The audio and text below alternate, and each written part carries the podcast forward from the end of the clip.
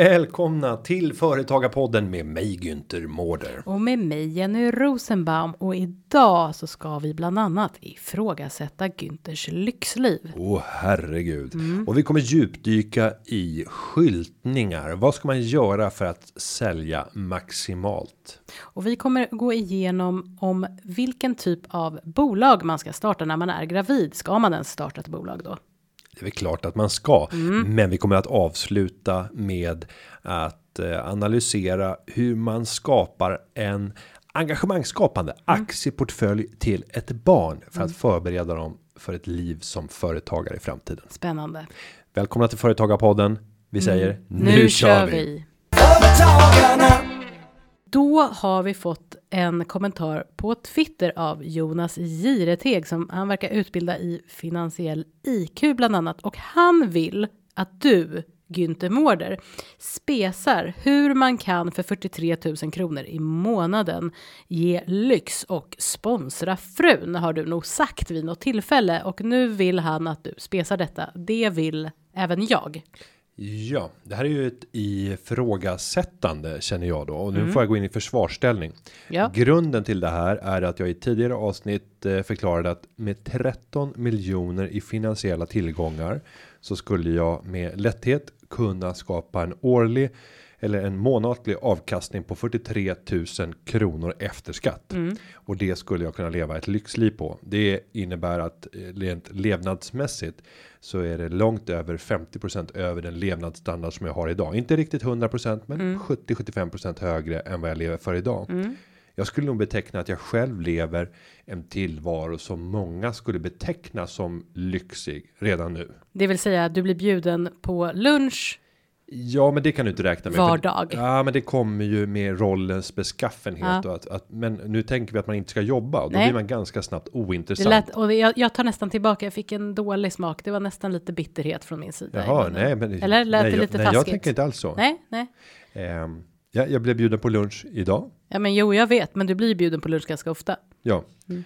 Ehm, och men det jag kommer till det är så här, men Mm. hur ser mitt liv ut i dagsläget utan att man behöver någon sponsring? Ja, då eh, har man. Jag har en villa som eh, betingat värde kring strax under 10 miljoner.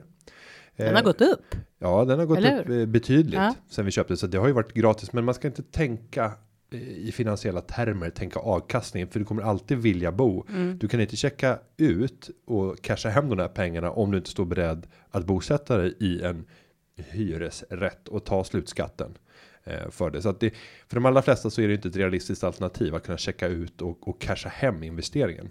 Men för de allra flesta så skulle man nog säga att ja, själva boendet i en bättre villa för ort i Stockholm med en fin eh, villa som är 100 år gammal och med pool och den är topprenoverad. Bara det skulle vara lyx. Vad är kostnaden för det här då? Ja, om jag hade fullt ut finansierat det här med lån. Det har inte jag gjort. Jag har 50% belåningsgrad. Men när man har pengar så får man helt andra räntevillkor. Jag har 0,79% i boränta. Om jag tittar vad det blir i kostnad per miljon och månad. Så är vi nere på en månads eh, kostnad på under 500 kronor per lånad miljon. Säg att du hade lånat 10 miljoner. Så att du, köpt, du kanske köpt en ännu mycket dyrare villa. Du hade lånat 10 miljoner så har du en räntekostnad på 5000 för det i månaden. Har du då 43 000 kronor i månaden så är det en relativt liten andel som går till räntebetalningar. Eh, och går du sen vidare och tittar på vad kostar driftskostnaderna? Ja, de flesta klarar sig med råge på att driva runt ett hus på 2,5-3 tusen kronor, även om det är en stor kåk. Eh, ska du lägga till lite underhåll och det, i, i det också så är du uppe på kanske en 4 tusen, 5 tusen om du till och med höjer skicket varje månad. Så på under 10 000 kronor, mindre än en fjärdedel av det du har, så har du redan fått en lyxtillvaro i bostaden. Om du sen tittar vidare på andra så här lyxattiraljer som man kan tänka sig att skämma bort sig med. En fin bil.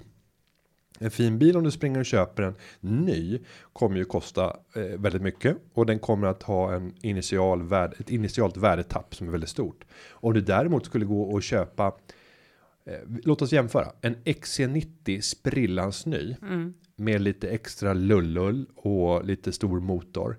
Ja, den går på en 800 000. Då har du fläskat på en bra Volvo XC90. Mm. Om du istället hade valt en 10 år gammal Ferrari 360 Spider så hade den betingat ett pris som är 300 000 lägre än den här Volvon. Hur många barn får du plats med i Ferrarin? Ja, men nu pratade vi lyxtillvaro. Nej, jag bara en parentes.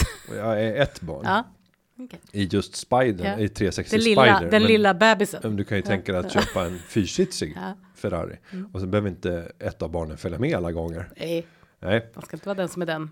Och, och eh, för de flesta så skulle man peka på den där personen som har eh, Ferrari 360 Spider och säga det där är lyx medan den som har Spillans nya X90 eh, även om det är en jättedyr bil så ser man det mer som som Svensson. Det är Mm. inte en lyxtillvaro i samma i, samma i ögonfallande lyxtillvaro Mm. som som Ferrarin.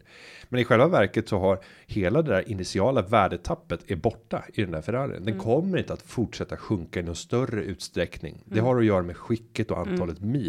Underhåller du den här så är det egentligen bara antalet mil som kommer att, att påverka. Sen kommer det vara lite dyrare i service Mm. och så vidare. Men räknar du på 2000 3000 kronor i månaden. Sen har du en avställd också under under vinterna förmodligen. Eh, så kommer du ändå landa på en månadskostnad som är lägre än för XC90. Och ja, om man tycker att det är lyx. Jag säger inte att det behöver vara det. Men, vad men, men precis, det är ju också en definitionsfråga såklart. Vad, ma- vad du tycker är lyx behöver inte alla tycka är lyx. Nej, och sen så handlar det om att gå ut och äta. Ja, Mm. det är klart att går man ut på de finaste restaurangerna så kan det ganska snabbt springa iväg till 1000 1500 kronor per person och gå med sin partner så 3000 för en kväll är absolut inte konstigt om man dricker och äter lite gott. Det går ju inte att göra i någon jättestor utsträckning om det inte är någon typ av specialerbjudande eller att man liksom på något sätt använder all den lediga tid som man har om man inte jobbar utan man har finansiella tillgångar som finansierar en passivt genom utdelningar. Ehm, Men då har man å andra sidan väldigt mycket tid. Vad ska man göra på dagarna? Eh, åka på semester då, det är ju många som tycker är lyxigt. Ja, och jag menar, jag bokade min nästa semesterresa. Eh, det, Och den går vart? Den går till Spanien som vanligt till solkusten. Eh, och vi kommer att vi var tvungna att betala. Jag tror att det var 3400 kronor för det här. Men då Men då är det ju, för fem personer. Tur och retur. mm, ja men det var ju väldigt mycket pengar och då undrar man ju eh, hur lyxigt det är. Får du flaxa själv eller eh, Nej, hur det här- tar du dig dit? Så att säga? Ja, i, i det här fallet så kommer jag få sitta i samma säte som Ja. den som i slutändan kommer att betala 6000 kronor. Jag skulle tro att den som betalar det dyraste priset för exakt samma setup av biljetter Mm. kommer att landa på 6000 kronor för att de bokar vid precis fel tillfälle. Vi bokade den här precis när det var en kampanj ungefär ett halvår innan avresa eller till och med lite mer än ett halvår kvar. Så ligger man och planerar så kan du leva liksom en lyxtillvaro. Då är det klart att då hade vi kunnat åka iväg på en resa varje månad utan problem. Och för de allra flesta så skulle det vara en otrolig lyxtillvaro. Så allting bygger ju på vilka referensramar man har. Men mitt budskap till till Jonas är ju att grunden är att de flesta eh, har inte någon eh, större lyxtillvaro överhuvudtaget och skulle betrakta möjlighet att åka på fem resor om året, bo i en fet kåk eller i en fet lägenhet i kombination med att ha en fin bil och kunna unna sig lite extra. Eh, det skulle vara en lyxtillvaro om man dessutom aldrig behövde lyfta ett finger för att jobba.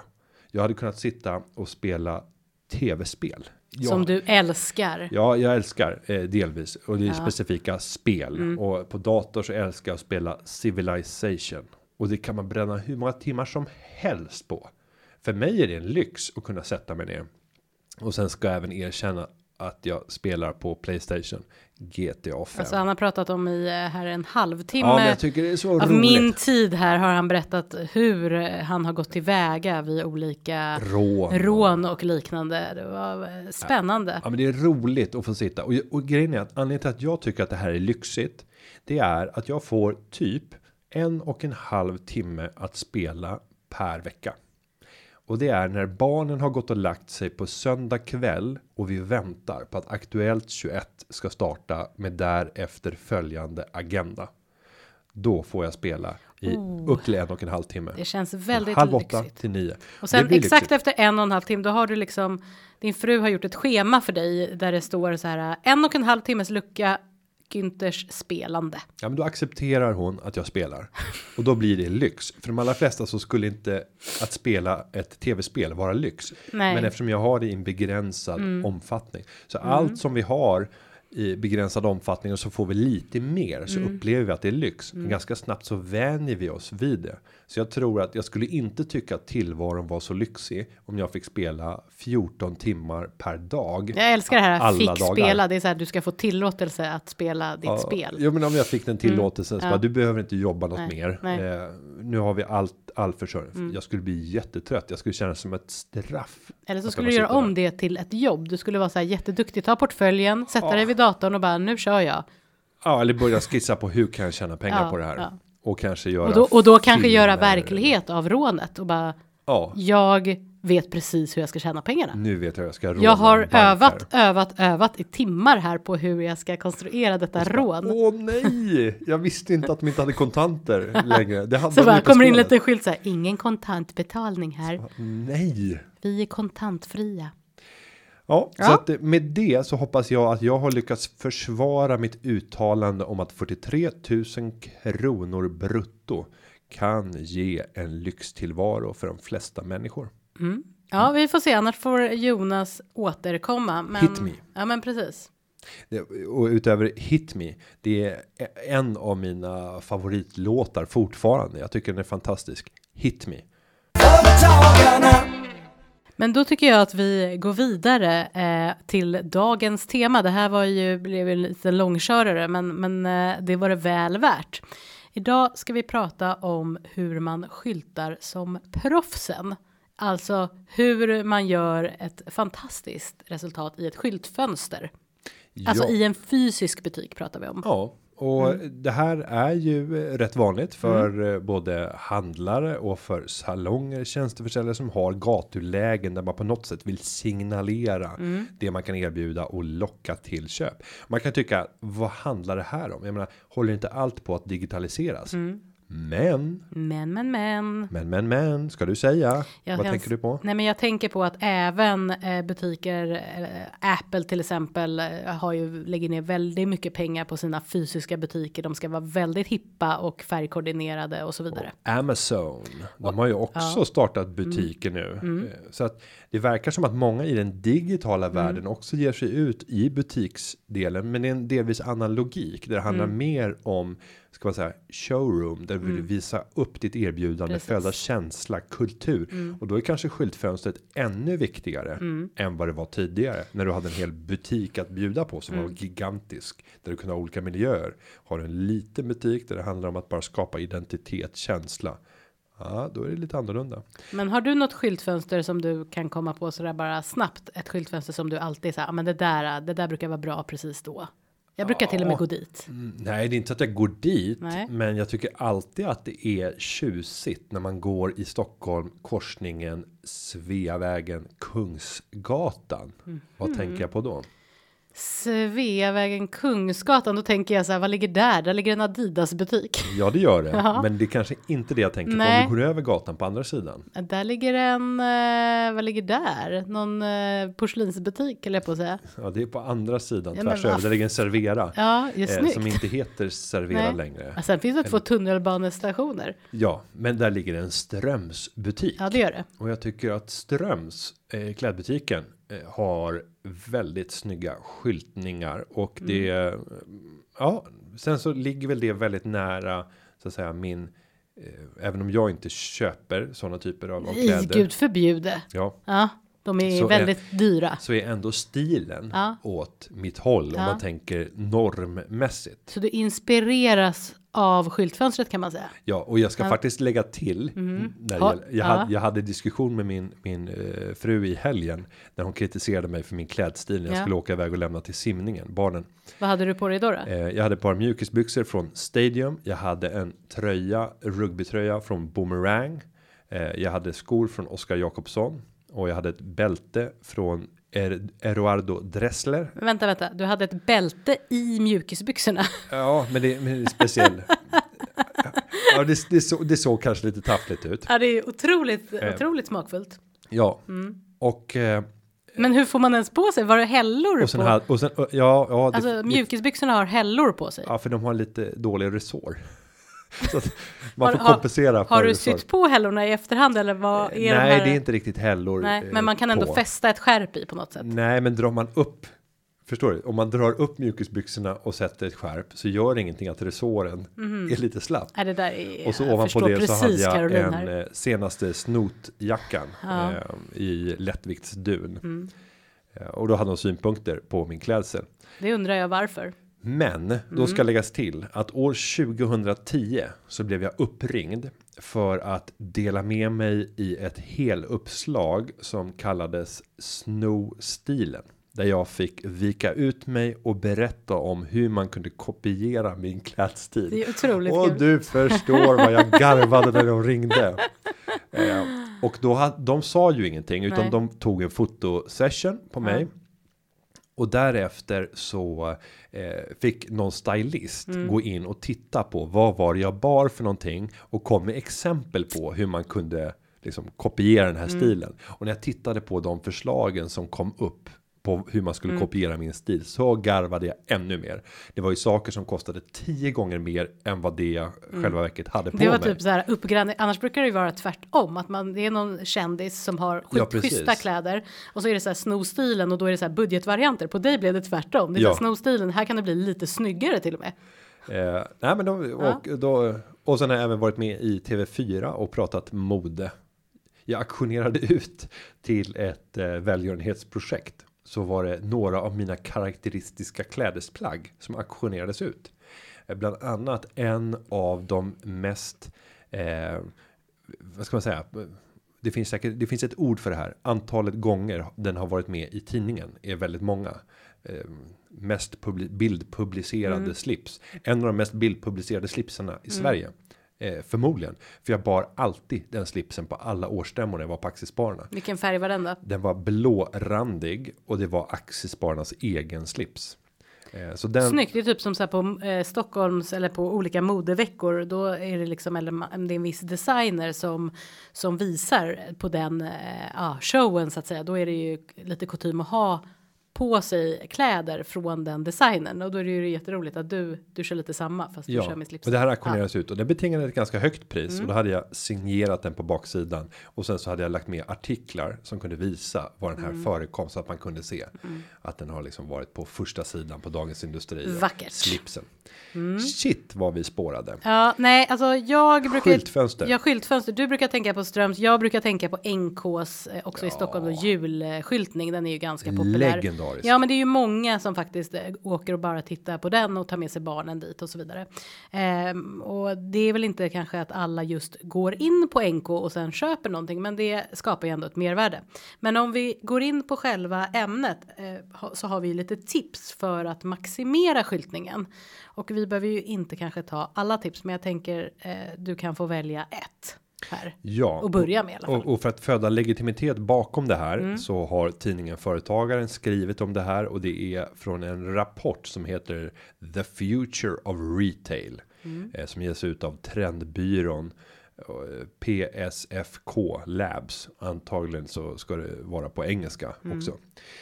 Eh, Men det första som tipset som de ger är less is more och det där gäller väl i eh, de flesta sammanhangen vad jag har lärt mig. Mm. Jag är mer i- av en more is more kind of guy, Mm. men jag förstår att det kan skapa ett ett, ett intryck som blir förvirrat.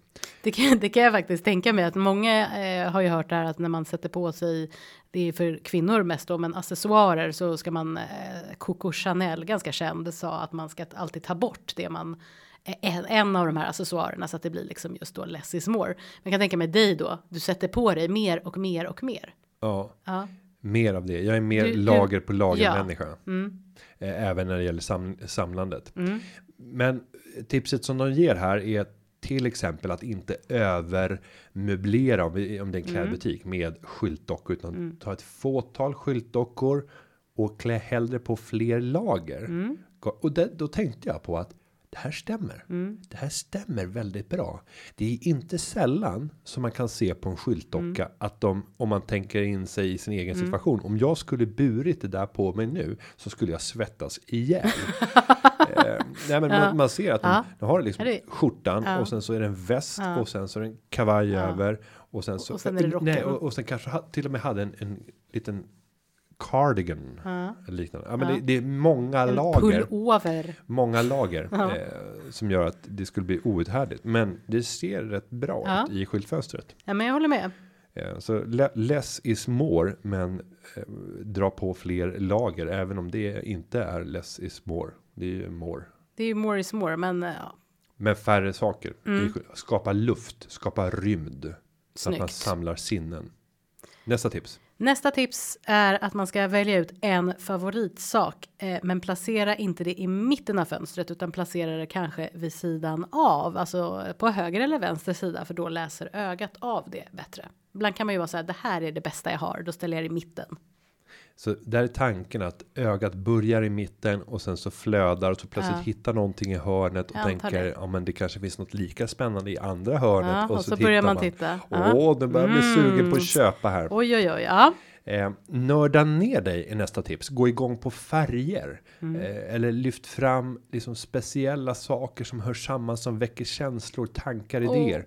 Men just de här färgkoderna kan Mm. man gå igång på. De har ett exempel på om du säljer prylar. Försök om du är till exempel varuhuset Mm. pub som kanske då skyltar för många butiker samtidigt eller köpcentrum som ofta Du vet skyltar att pub har lagt ner va? för eh, när du säger det så. Nej men du vet, jag var nämligen där, det här är ett sidospår för att, och helt plötsligt så bara, nej men eh, jag går in på pub, så bara, nej men det finns inget pub längre, det är ju det Det här. finns någon exklusiv restaurang ja, som heter det, någonting fint. Det, och, ja, det heter The American tror jag. Och nej, men det är någonting annat. Jo, ja. Mm. nej okej, kanske något annat också. Och det är det här hotellet, och nu kommer jag inte ihåg vad det heter. Men då behövde jag gå på toaletten. Nu blir det här ett väldigt sidospår. Väldigt, väldigt fina toaletter där. Så att om ni är i Stockholm och är runt Hötorget, väldigt trevligt. Bästa toaletterna eh, som jag har varit på, det var på Harrods. Det var värt om det var de fem punden man fick betala, men det var dyrt att gå på toa. Och Men, att du som sparad krona Jo, men- betalar för att gå på toaletten jo, kan men ställa det dig var som var helst. upplevelsen för dagen Ja, okej, den dagen. oj. Ja, Så då att var det li- billigt i ja, man, sammanhanget. Man liksom gick och laddade och man kände så här. eh, egentligen- laddade. Ja men egentligen borde jag ha gått dit en halv dag tidigare. Men man, nej, man håller sig, man håller sig. Det är snart dags att gå Nu på är det, ska det vara värt besväret. Ja. Och man gick in och tittade på skyltdockor och bara ja, nu är det dags. Mm. Och där fick man också ta parfym. Eh, det fanns ingen begränsning hur mycket parfym man fick ta på sig. Alltså hur många sprut parfym eller fick man sprut? ta flaskor med parfym? Ja, du fick inte ta dem. Du Men jag tänker om det hade varit dig. lite flott att få så små flaskor. Nej men det var det inte. Men det, det, Så det bara stank i flera veckor. Behövde ja, men det var ju duscha. en som sprang runt och putsade på allting hela tiden. Ja. Och det var fint. Eh, sen så stod det alla flaskor uppställda. Och sen så, så fort man hade tagit den så putsade de den ju så att den såg helt oanvänd Mm. ut och ställde tillbaka. Men man fick ju inte ta dem. Det var inte som man. Det hade varit konstigt att bara ta med flaskan. Åh, jag ja, men jag tänkte att det var lite pund. fint så här, du vet med små flaskor och så som prover nästan fast lite små. Så. Ja, det hade kunnat Ja, vara snyggt. Det hade varit fint. Och det kan man ju tänka sig att någon som står beredd att betala fem pund för att skita. Det, det kanske inte alla ens gör. De kanske Nej, behöver... men den kunden Ja. eh, skulle man ju kunna tänkas vilja ge lite smakprov på. Ja. För kunden borde vara stadd vid, vid kassan. Kanske. Eh, eller så är det bara en snål eh, jäkel som har laddat för det här en halv dag. Ja. Nej, Men, men de kommer man ju höra. så då, kan du undvika att ge prover till dem. Vi, du får vi- fortsätta. vi går vidare med Ja. ja, nästa tips. Eh, ha jättemånga saker av en och samma sak. Mhm. Eh, och tipset här är teburkar. Mm. Alltså säljer du te att använda en och samma Mm. teburk och bygga en formation. Det här ser man ju ofta i matbutiker Mm. till exempel. Så här klassiskt trick inne i, i lokaler. Där man skapar någonting visuellt som Mm. gör att det tilldrar sig uppmärksamhet. Det föder vår köplust. Mm. Men det gör också att det kan bli rätt vackert. Och Mm. det gör att vi riktar fokus oavsett var vi finner vår Mm. glädje med vår Oh. blick. Så kommer vi att, att se den här produkten och omedelbart koppla till vad den här butiken kan erbjuda. Jag gillar att du har gått in för den här listan och verkligen visualiserar och, och lägger till väldigt många adjektiv. Många Och mer adjektiv. Vevar med Ja. armarna Ja, ja. och blick som Mm. Flackar. flackar och flyger. Ja, eh, så kan det vara. Vi har eh, ytterligare en punkt och det är det skrivna ordet. Folk gillar att läsa något i fönstret. Ett ord, ett citat kan vara lite olika. Man kan printa det på ett fint papper, sätta en ram eller ja, klistra på i skyltfönstret. Jag vet inte riktigt vad det skulle kunna vara. Happy. Carpe diem. Ja, det känns är ju- så himla fint. Ja, vad fint det är. Eh, Ja. nej, men det finns många. Eh, såna, jag, jag brukar ibland skjuta ut lite så här, tankvärda citat på eh, Twitter Är inte det töntigt? Alltså folk som gör det på Instagram. eh, Och, och gör bilder av det. Ja, nej men det är någon bild Ja, med någon står som så här- solnedgång. Och Ja, och bara så här. Eh, Det bästa Av som alla dessa dagar som passerade inte visste Nej. jag att det var livet. Nej, Karin Alltså, jag Boye. mår Visst gör det ont när dåligt. knoppar brister. jag var typ lite dåligt av Eh, sådana. Men, nej, men okej, det- det ja, brukar- det gör du. Det jag brukar göra är att försöka hitta business citat Mm. eh, från eh, USA sagda av amerikanska eh, företagsgestalter eller liknande och sen försöker jag fundera utifrån det här citatet.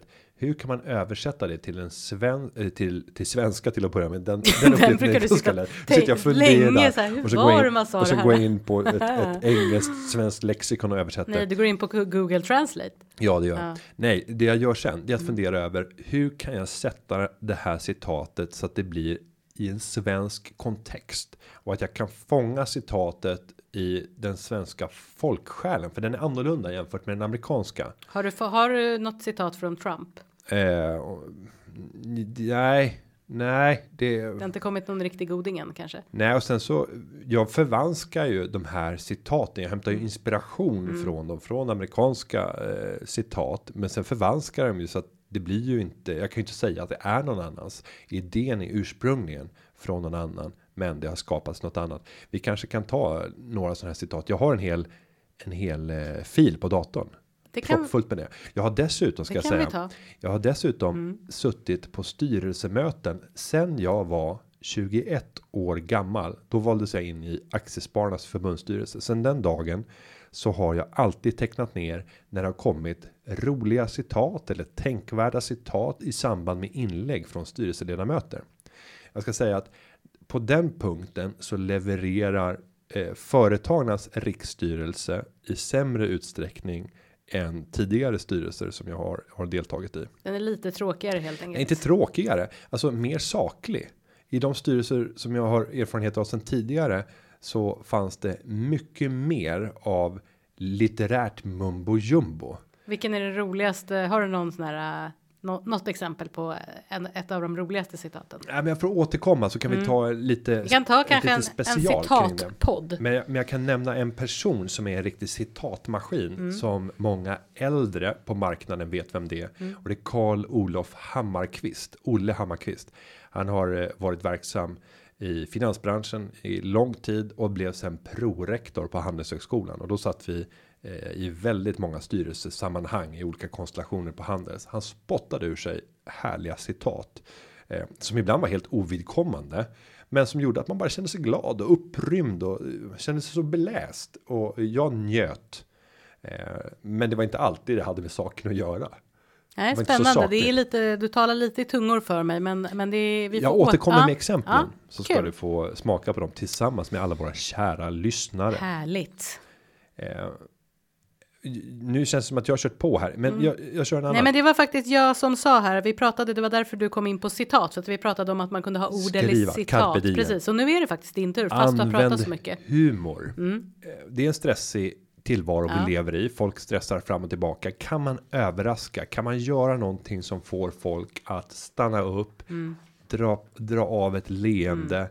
Alltså bara någonting Mm. som kan få någon att känna en gnutta av av överraskning Mm. på ett positivt sätt. Eh, utmana dig själv. Mm. Och jag tror just att det bästa man kan göra det är att bara bege sig ut Mm. på stan och låta sig inspireras. Mm. Eh, för ganska snabbt så kommer man kanske hitta exempel från andra branscher, ungefär som jag berättade om citaten. Mm. Så hämta inspiration från en annan bransch utifrån deras skyltfönster, men översätt det till din kontext. Och det, det är så fint här. Jag vet inte, jag, jag kanske ska ta en sista punkt bara och avsluta det här och då är det Eh, var modig. Och då tycker jag att exemplet här är väldigt roligt. Det är, säljer du kökssaker, välj en grej och det behöver inte vara sånt som vi ofta tänker på utan glömmer att köpa. Till exempel slickepotten. Fokusera på den. Det ser jag framför mig liksom vad man kan göra med en slickepott. Ja, och det är ju Och alltid är den ju- man glömmer att köpa. Ja, det är ju verkligen det och det är ju kombination av var rolig. Ehm, men och nu bara ett sidospår kom jag på här. Slickepott, då tänker jag baka och då tänker jag att man kan även jobba med lukter, alltså i eh, skyltfönster. Eh, och, och då tänker jag att bagerier har väl ofta någon liten fläkt där det luktar eh, kanelbulle. Ja, och, och, och jag tror att det är underskattat. Ja, men det, Eh, nej, men alltså på riktigt, jag är helt ärlig och det är ju fantastiskt. Alltså, det, man blir ju så sugen. Sen, sen tycker jag även att man ska inte glömma ljud Nej, och ljus. alla sinnen. Eh, försök täcka in Mm. känsel. Kan man göra det? Jag vet inte. Men, men just det här med att ljudet är ju fritt. Det finns säkert eh, stränga regler för det där. Mm. Men det är nog lätt att komma förbi det. Det ska nog mycket till för att det kommer någon granskare och säga att om, Mm. Om, det inte är på ett diskret- extremt högt. Nej, om det Mm. är på ett diskret sätt. Jag kommer ihåg en skyltning som var just på pub en vår. Där de hade fågelkvitter Mm. och sen var det grönt, liksom skogstema, ängar. Det var jättemysigt Ja. Mm. när man gick och man man log. Det var också överraskning att gå på Sveriges mest trafikerade gata för fotgängare Mm. och sen hör man fågelkvitter och ser grönt. Mm. Eh, Men också att jobba med ljus även ut mot gatan. Jag vet inte heller om det finns några regler för det. Men där du faktiskt kan ha mönster eller budskap Blända eller log- logotyper. Nej, men som lyser ner på gatan. Mm. Som rör sig Mm. med budskap. En sån typ av investering kan ju vara rätt så liten för rätt stor effekt för att det är inte tillräckligt många som gör det för att eh, man bara ska helt nonchalera det. En investering som även är ganska liten som folk älskar. Folk älskar bjudgodis, saker att äta. Till exempel fick jag här i pausen mellan eh, som vi tog här en liten paus så var det bullar. Jag åt väldigt mycket. Och eh, om man har tur så kanske det här kommer upp på Instagram hashtag eh, företagarpodden när Jenny drar upp det sista smörgegget. Ja, det är typ smör från botten på pappret med mandelmassa. Ja, Nej, det var fantastiskt, men jag, Det jag, var mår lite, vackert. jag mår lite illa nu. Åt lite, men det var den där sista, den tredje biten. Det det var, var helt onödigt. Och hur många bitar åt jag? Ja, men jag vet, jag blev Hur nästan. många åt- bitar åt jag? Nej, men du åt noll och jag var så här provocerad för att det är så här. eh, Det är väldigt märkligt att bara kunna avstå från det, men du brukar också nikotin, vilket jag kan säga att hade jag gjort det hade jag inte heller eh, ätit tre bitar. Då hade jag ätit en bit. Ja, du ser. Men, men det jag vill säga är att man kan med en billig peng eh, även eh, inte bara jag som blir lockad av godsaker. Det är även andra människor och då tänker jag att ja, men, eh, härom eh, eh, dagen hade vi alla hjärtans dag. Geléhjärtan. Tänk ett skyltfönster fullt med geléhjärtan med ett litet spår ut av geléhjärtan som leder in i butiken. Och helt plötsligt så är kunderna där. De har aldrig varit där inne innan. Även om de inte kommer köpa något. De kommer ju komma ihåg den där butiken. Ja, Bjud på saft en varm dag. Ja. Nej, men de enkla grejerna. Sen så mina tankar flyger Mm. iväg och så tänker jag så här. Vad händer om man är en sportbutik Mm. i stadskärnan och så ställer du ut en prispall Mm. där det redan står två dockor på på eh, trean och andra platsen. Mm. Men första platsen är ledig och så bygger du skyltfönster med produkter som du vill produktplacera. Men gör en fotovänlig miljö Mm. där du vill att folk ska gå upp. Att jobba med ljud Mm. där det successivt kommer applåder och rop och säger och ropar upp eh, vinnaren. Mm. Men för att mana till fotografering och sprida Mm. budskapen. Ja, bra. Men eh, jag vill skicka ut en uppmaning. Eh, uppmaningen till våra lyssnare blir att eh, fota sina favoritskyltfönster eller att fota sitt eget skyltfönster och sprida det på hashtag företagarpodden och lägg även till hashtag skyltfönster på Instagram. Det är 7567 stycken som redan har gjort det. Och sen när jag bläddrar igenom den den hashtaggen så ser jag mängder av inspiration och bra idéer. Nej, men jag tror man kan, man kan spinna vidare på det här. Det kan låta lite, inte banalt, men lite sådär, ah, skyltfönster, vad kan det göra? Men jag tror det kan göra väldigt mycket. Mm. Ge oss exempel på det bästa och det sämsta. Ja. Vi går vidare. det gör vi och vi har fått eh, några frågor och du kan väl läsa första. Ja, den första frågan kommer från Anna i Malmö. Hej härliga ni! Jag arbetar som IT-konsult och inser att det är mycket mer lönsamt för mig att köra eget företag. Jag kommer då att ta ut en lön på 37 666 the number of the beast och bygga upp ett kapital i bolaget som jag investerar på annat sätt. Jag försöker även bli gravid. Ser ni några risker med att starta eget innan jag blir gravid? Det jag, det jag funderar på är alltså om jag ska köra eget nu eller om jag bör vänta tills efter mammaledigheten. Tack för era kloka ord. Ja, Jenny. Vad bör Ja. man göra? Ja, vad bör man göra? Alltså det finns ju, vi har ju pratat om det här på temat förut, men så det finns ju lite olika aspekter. Men en sak man kan tänka på är ju om man nu ska starta en firma, vilken typ av firma man startar. Då är det lite olika regler om det är enskild firma eller aktiebolag när det gäller just eh, föräldrapenningen. Och vid en enskild firma, då har man ett skydd i 24 månader, det vill säga man eh, har sin så att säga gamla lön som eh, den baseras på. Eh, så det kan ju vara positivt. Eh, I aktiebolag är det ju inte så, utan då är det ju vad man faktiskt har tjänat in som grundregel.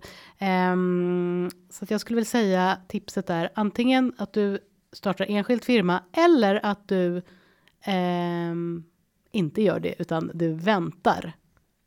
Ja, och mitt om jag då går över till mitt pragmatiska råd Ja, så ska jag säga att såklart. det man ska aldrig Man ska aldrig vänta. vänta. Nej. Mm. Alltså folk som planerar och tänker att jag senare ska starta företag eller jag senare ska bli gravid. Mm. Alltså skjut inte upp saker i livet. Du har ingen aning om vad som kommer att hända. Förverkliga dina drömmar. Skaffa barn om det är det du vill. Starta eget företag. Låt inte Gör allting på en gång. Nej, men alltså det jag menade med det här med att vänta, det är ju att alltså, du kan inte ta ut ehm, föräldrapenning samtidigt som du tar ut lön. Så att då får du ju eh, jobba med det här bolaget utan att ta ut lön i så fall. Eh, och en annan sak som jag tänker på om hon väljer att starta en enskild firma för att på så sätt kunna åtnjuta fördelarna av Mm. vårt socialförsäkringssystem. Eh, så skulle man ju även kunna tänka sig för hon kommer fakturera långt mer än Mm. det hon tar ut i lön och det blir ett problem i enskild firma för där kommer du vid slutet av året att beskattas för hela den inkomsten som finns i bolaget Mm. för det räknas som en privat person som har dragit in det så det blir lön. Så du kan inte spara och investera, bygga upp en portfölj där. Eh, Men det du kan göra, det är ju att glömma att fakturera. Då tycker jag att den här frågan kommer under en annan. Nu blir det ett eh, gråzon. Ja, det är en annan kategori precis. Ja, Mm. men jag menar, det finns ju ingen skyldighet att man måste fakturera omedelbart efter uppdragets utförande. Och det kan ju vara så att du startar en enskild firma, du tar ut så att du ligger precis på brytgränsen för att kunna få det fulla skyddet via socialförsäkringssystemet. Sen finns det ganska ja, mer och mer för varje månad som du har jobbat innan du föder så finns det en upparbetad skuld hos en av dina leverantörer till dig. Ehm, Och då kan du ju vänta tills den dagen du börjar jobba igen och säga att nu Nu jag- kom jag på här att jag måste nu vill jag fakturera. Mm. fakturera och så gör man en är engångsfakturering på 400 000 innan första dagen när man börjar jobba. Då skulle Skatteverket kanske kunna ha synpunkter och säga att det här borde du ha fakturerat tidigare. Å andra sidan kan man säga att ja, men jag tänkte på det. Sen gick jag på föräldraledighet och när man är föräldraledig så har jag förstått av Försäkringskassans regler att man inte får jobba. Att skicka en faktura innebär att jobba. Så bara, men då har du alltså jobbat jättemycket dag ett. Ja, det har jag. Nej, utan Nej. det är arbeten som är upparbetade sedan tidigare, men ej fakturerade på grund av att min föräldraledighet satte stopp för att kunna fakturera det här. Den känns lite gråzon. Det är gråzon. Ja, det är lite gråzon. Men, men det går att passera. Ja. Jag sitter och funderar på om Nej, nu hette hon ju Mar- Anna från Malmö. Men vi har ju en annan av våra lyssnare som Mm. faktiskt väntar barn. Visste du det? Nej, Nej. det visste jag inte. Jo, det är Rebecka Mm. eh, som på Instagram heter Boboros och eh, hon skriver så här. En sån där halvtrist torsdag blir lite bättre med sovande mysig bebis nej, på magen, inte i magen och min nya favoritpodd Företagarpodden i lurarna. Tack. Tackar Ja, och det värmde. grattis. Ja, vad kul. Ja, så det är eh, olika personer, Mm. men i eh, nästan samma livssituation. Vi hoppas Mm. att att Rebecka också är företagare eller startar företag. Eller vill bli. Det är Och- många som gör under föräldraledigheten. Ja, vi många tittade på statistik där Mm. och en femtedel av alla företag som startas av en kvinna startas under föräldraledigheten. Så att, och det är kraftigt överrepresenterat Mm. eh, om vi då slår ut den yrkesverksamma perioden som sträcker sig kanske då från 25 till 67 års ålder och tiden som man är föräldraledig är väl i snitt. Vad får man? 2,2 barn i Sverige. Är det något sånt? Ja. Eh, kvinnorna tar fortfarande ut en överväldigande majoritet av föräldraledigheten, men vad kan snittet vara per barn? Ett år. Eh, ett år en månad i snitt i Sverige. Sen skiljer det sig från stad och landsbygd, men 3,3 år tror jag. I Alltså nu, nu är det Skattningar. Nu är det här äh, en typisk. Günther att ni som då bara hörde det här han sa. Det låter ju som att han har alltså verkligen bra koll. Jag vet ju eh, för att jag känner honom lite nu att han har ju alltså total hittat på de här siffrorna, men men de stämmer säkert i Men en bra eh, till viss del precis. Ja. Eh, men framförallt eh, tonen i rösten är ju väldigt trovärdig. Ja. Där var parentesen. Det där skulle vara problemet om jag eh, vore politiker och stod i Att här du skulle ju vara någon som, det skulle ju vara någon som var så här, men nu har du ju hittat på, var har du fått de där ifrån? Nej, men jag, skulle nog vara, Eh. jag skulle nog vara lite grann som, som Carl Bildt. Alltså han är otroligt befriande att lyssna på. Mm. Om ni vill lyssna på en favoritintervju som jag har av, av Carl Bildt. Så är det den söndagsintervjun. Den heter söndagsintervjun i P1. Mm. Eh, som sändes för no, någon eller några månader sedan. Eh, och där tar bland annat den här frågan upp. Om hur han bara blånekar när han har fel. Ja. Och, och han gör det igen i, i intervjun när det här faktumet Mm. diskuteras och intervjuaren tar upp så bara, nu gör du ju precis det jag pratar Det om. pratar om, ja. bara, inte alls, det där du, du har fått det helt om bakfoten. Eh, det, där har, det där vet du mycket lite om. Eh, nu tycker jag att du går vidare i, i ditt frågemanus för vi har inte hela dagen på oss. Eh, Okej, förlåt. Ja, det är fantastiskt. Den måste jag teknik. själv lyssna på. Ja, Mm. men, och han klarar sig alltid. Han klarar sig alltid. Carl Bildt. Mm. Ja, nej, men det var lite tips eh, om föräldrapenning, men vi har ju fått En, En till. till. fråga. Ja. Vi tar oss vidare. Ja, nu får du läsa. Nej, nu får jag läsa. Du läste Du den ju. läsa. Nu får jag läsa. Okej. Eh, det är en fråga från Peter. Hej. Jag vill ge min brors son de bästa förutsättningarna för att bli företagare när han blir stor. Och för det så krävs ju frihet och pengar ger frihet. Vackert och Ja. korrekt. Ja. Eh, jag tänkte köpa någon aktie eller fond till honom när han fyller två år. Vad är bäst? Öppna ISK, vanligt aktiekonto eller kapitalförsäkring barn? Frågetecken. Och sen så skriver han älskar Företagarpodden. Ja, tack, tack. Åh, fint. Då ger tack, vi tack. ett snabbt och korrekt svar. Ja, Eh, shoot. det Peter ska öppna är en kapitalförsäkring. Att paketera och kalla det kapitalförsäkring barn eh, är egentligen konstigt för det är inte någon skillnad. Du ska ha en kapitalförsäkring, punkt. Eh, och den ska du ställa i ditt namn med barnet som förmånstagare i min rekommendation.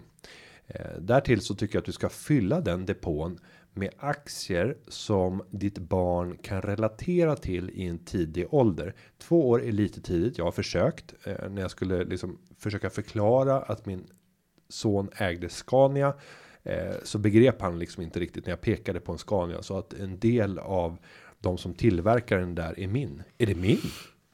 Nej, Kan jag ta hem den? Nej, inte lastbilen. Det är din kund som äger den där, men du äger produktionen av dem och de vinster som skapas därav. Vinster? Har jag vunnit? Är lotteri. Ja, det kommer utdelning. Det Ja. kommer utdelning. Så det är svårt. Men framåt fyra års ålder, då kan man börja föra seriösa resonemang kring det här. Lite förslag på aktier där barn Mm. lätt kan relatera till. Sen kan man tycka bra eller illa om företagen, Mm. eh, säger jag redan innan. Men Disney, Mm. bra. Eh, McDonalds, Ja, det gillar barn. Mm. Mycket. ICA-gruppen.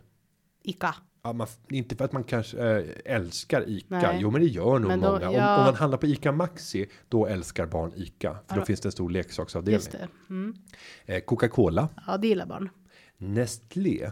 Det kommer de inte veta vad det är, men om man förklarar att de även gör choklad så. Ja, men om man även visar att de Mm. gör gröten som du åt när du var liten med mild eh, banan päronsmak. Nestlé gröt åtta Det- månader. Ja, nej, men det finns fyra månader banan. Nej, det är semper. De blir de nog Ja. inte. Det vill man nog inte köpa en aktie i.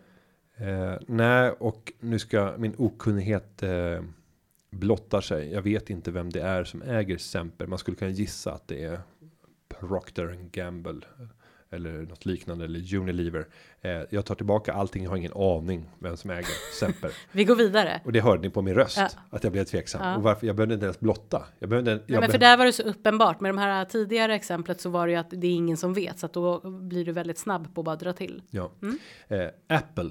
Ja, det är bra. Barn växer upp med de här produkterna. Det är väl. Eh, SCA. Jag tänker på blöjor. Mm. Sedermera eh, om man ska ta samtalet med dottern med Mm. i och Dampani. Ja, det kanske inte är Trosskydd. Ja, den tar jag eh, bort därifrån från den listan. Det känns inte så kul liksom när man är. Inte. Det skulle ju vara lite roliga företag här nu. det går åt mycket blöjor. Ja, det gör det ju. Ja, Nor Norwegian. Mm, Man kanske kul. flyger och reser. Mm. Barn älskar flygplan och Och de att vet förstå. att det är gratis internet också på Norwegian. absolut. Mm. Eh, ja, men det kan vara ett förslag på en barnportfölj. Det var åtta aktier. Du kan välja ut fyra av de här som du gillar mest vars affärsidé du tror är orubblig när du tittar framåt i tiden. Har du gjort det här för dina barn? Nej, det är inte de här aktierna. Nej, men har du gjort det här eh, första vi pratade om med eh, en kapitalförsäkring? Ja, jag har Mm. för respektive barn och egentligen borde jag ha en för samma. Eh, en för alla barnen. Mm. För att egentligen så är det, tycker jag, orättvist att bara för att min son föddes precis rätt tajmat. Mm. Han föddes ju 2010, direkt efter finanskrisen och har fått åtnjuta hela det här rallyt som Mm. har varit. Medan min eh, sist eller senast födde får jag väl säga son föddes nu förra året 2016. Mm. Eh, vilket gör att att där är ju avkastningen. Det kanske blir en helt annan period. Jag har faktiskt gjort undersökningar när jag jobbade i bank tidigare på vad hade hänt om du hade investerat hela barnbidraget i en indexfond från det att barnet föddes till dess att de var 18 år och då får barnet ta över portföljen. Och sen så har jag redovisat hur stor är skillnaden från den som har det bästa utfallet respektive sämsta. Och vad var det då? Där fick jag gå tillbaka till just min eh, min, mitt födelseår 1982 var fantastiskt. För då fick man vara med på hela 80-talsuppgången och sen fick man vara med ända tills IT-bubblan 2000 sprack. För det var då vi fyllde 18 år. Så vi sålde på topp. Men de som är födda tre år senare. Ja, de kommer få ett katastrof, eh, inte katastrofalt, de kommer få ett positivt utfall som med besked även i en- i en indexfond. Men i jämförelse så är det en katastrofutveckling. För de tvingades ju då sälja om de sålde av hela portföljen på 18-årsdagen. Botten år 2003. Just det. Eh, Och från 2003 så kom det sen närmast en obruten uppgång till 2007. Så de barnen som var födda 2007 minus 18 år hade ju återigen då en fantastisk utveckling. Så att det här gör att det blir väldigt kraftiga Men sen kan du också variationer. när jag tänker på orättvisa, för det där du rådde ju mig. Jag har ju gjort precis det här till mina barn då eh, och då rådde ju du mig faktiskt att ha en. Eh, Ja, jag tycker det är bäst. Ja, och då hade jag det och sen har jag bytt bytt faktiskt. Till två. Ja, Men varför? därför att jag känner att när du pratar om orättvisa, det kan ju också vara att man kommer behöva använda de här pengarna och då kanske man använder 10 000 här, 20 000 här på olika barn. Då blir det ju ändå orättvist. Då kanske det ena barnet får åtnjuta mera pengar. Nej, men ett, eh, i slutdagen. Ja, vi- för det när- kanske när inte är att pengarna. oss. Det Nej, men- kanske inte är att man de kommer bara ligga. Förstår jag tänker? Men tänker du använda dem innan de är 18 år? Ja, men det kanske jag kommer behöva göra. Behöva göra till vad? Ja, Det är ju deras sparande. Ska Mm. du använda det för lösaktig konsumtion? men jag, Skämmes. okej. Pengarna. Hur mycket kommer de här pengarna bli? Vi har faktiskt inte pratat om. Vi, det är 1000. Vad är det? 1025? Nej, hur mycket är barnbidraget? Eh, du ska inte titta på mig och fråga vad barnbidraget är. För Nej. jag ser aldrig röken av det där barnbidraget. Det konsumeras direkt. Man får något. Två. Ja, men det, sen får du ju flerbarnstillägg. Ja, precis men, på på 250 kronor men, men barn. om, jag, om jag bara gör en enkel beräkning. Ja. För det kan vara lite bra att veta om man just ska göra den här insättningen. Hur mycket. Och det är även då för mig själv att jag vill veta det här. Så jag ber Günther nu räkna på det här. Ja, och då, Hur mycket blir det egentligen om jag då inte tar ut och köper en cykel, en moped och lite resor under de här 18 åren? Ja, och det gör jag en snabb kalkyl här. Och jag räknar på 1200 kronor i månaden. Och jag räknar på 18 år. Och sen så drämmer jag till med en avkastning på 7,5% årligen. Det är en avkastning som är långt under snittet för den berörda eh, perioden. Om vi går tillbaka 18 år i tiden. Men det är en avkastning som är hög i ett perspektiv av att vi just nu har minusränta. Så det ska man ha med sig. Eh, och då kommer vi på slutdagen att kunna överräcka 534 000 kronor till barnet på 18 års tid. Eh, så det är inte en oväsentlig eller oanständig summa. Det här är, det är respektingivande. Men det är klart att det påverkar rätt mycket vad du sätter för avkastning. Totalt så har du stoppat in 259 200 kronor. Mm. Så beroende på varje procentenhet där kommer göra mycket stor Mycket skillnad. stor skillnad. Ja. Innan vi avslutar den här rundan så ska jag eh, göra två medskick. Det första är att vi behöver din hjälp. Du som lyssnare ska se till att skicka in dina nomineringar till unga intressanta, spännande, innovativa entreprenörer. Skicka in förslag på unga, spännande, innovativa entreprenörer som kan sitta inne med de mest briljanta idéerna eller företagsskapelserna. Förra året så listade tidningen Företagaren eh, 103 av eh, de mest spännande idéerna som vi hittade runt om i landet och nu behöver vi din hjälp igen. Du kan gå in på företagarnas Facebook-sida och ge tips på ditt eget företag eller någon annans företag. Eller så mejlar du till företagaren, alltså företagaren utan prickar at för, företagarna.se utan prickar återigen. Och det vi behöver veta, det är entreprenören eller entreprenörernas namn. Vi behöver veta personen eller personernas ålder för man måste vara mellan 18 och 30. Vi vill veta företagets namn, var företaget ligger och en kort motivering och lite info om bolaget. Så kan vi förhoppningsvis släppa den här listan om några månader i tidningen. För den fick stor uppståndelse här senast och ni fick träffa två av dem eh, i eh, i podden, bland annat en som eh, hade utvecklat eh, genuina och hållbara espadrillos. Ja. De var väldigt fina. Du Och- blev ju sugen. Ja, och sen fick vi även möta en som tillverkade en ny typ av ankarlift som jag tror det börjar flyga för. Mm. Jag tror att de börjar få allt fler kontrakt. Eh, så att eh, Just det, den här som var som mer en planka så att man inte skulle få så ont. ja, och, och jag tror att de har fått lite Mm. fler orders. Sen om man vill eh, träffa mig ute i Sverige så beger jag mig ut titt som tätt. Ett av besöken jag gör här närmsta tiden är i Strängnäs. Då är det näringslivsdagar den 17 och 18 mars. Jag kommer att vara med den 17 mars eh, på Svenska Hem Arena. Då är alla varmt välkomna. Jag kommer bland annat prata om digitalisering under eftermiddagen där. Med det Jenny så ska vi knyta ihop säcken. Det ska vi göra. Eh, och eh, jag säger att den här podcasten har klipps av Linda Aunan Edvall. Vi hörs nästa vecka. Det gör Ha vi. det gott. Hej, hej. Företagarna.